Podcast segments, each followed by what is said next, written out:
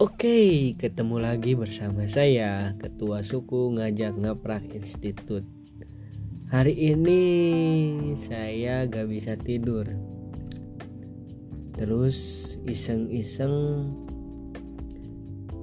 buat question box di Instagram dan ada pertanyaan menarik dan mungkin saya bisa sharing di sini. Saya kepikiran ada yang penanya seperti ini. Buat apa tetek pria diciptakan?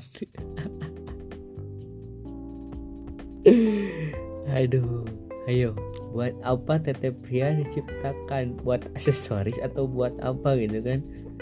Pria punya tete dua kayak tompel tapi gak ada gak tahu fungsinya buat apa kan? Gak ada fungsinya sama sekali Nah, itu yang membuat saya ngakak.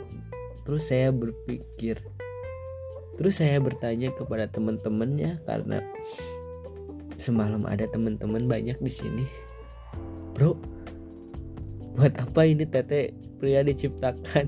Terus ada yang bilang ini buat kutil.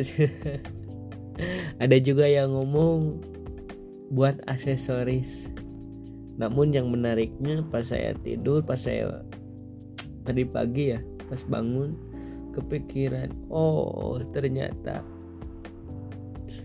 tete pria diciptakan itu untuk penanda agar tidak kebalik antara punggung sama dada. Jadi diciptakanlah tete pria kan? Soalnya kalau nggak diciptakan tete pria mungkin nanti akan kebalik ya. Mana punggung terus mana dada gitu kan. Makanya ada titik hitam dua. Terus ada pentilnya kecil kan. Nah itu buat penanda gitu kan. Ya meskipun nggak ada fungsinya sih. Terus ada yang nanya gini lagi. Kenapa ayam nggak ada teteknya? Gitu kan aduh kenapa yo ada yang tahu? Karena ayam nggak ada tetenya. Karena ayam pria nggak ada tangannya.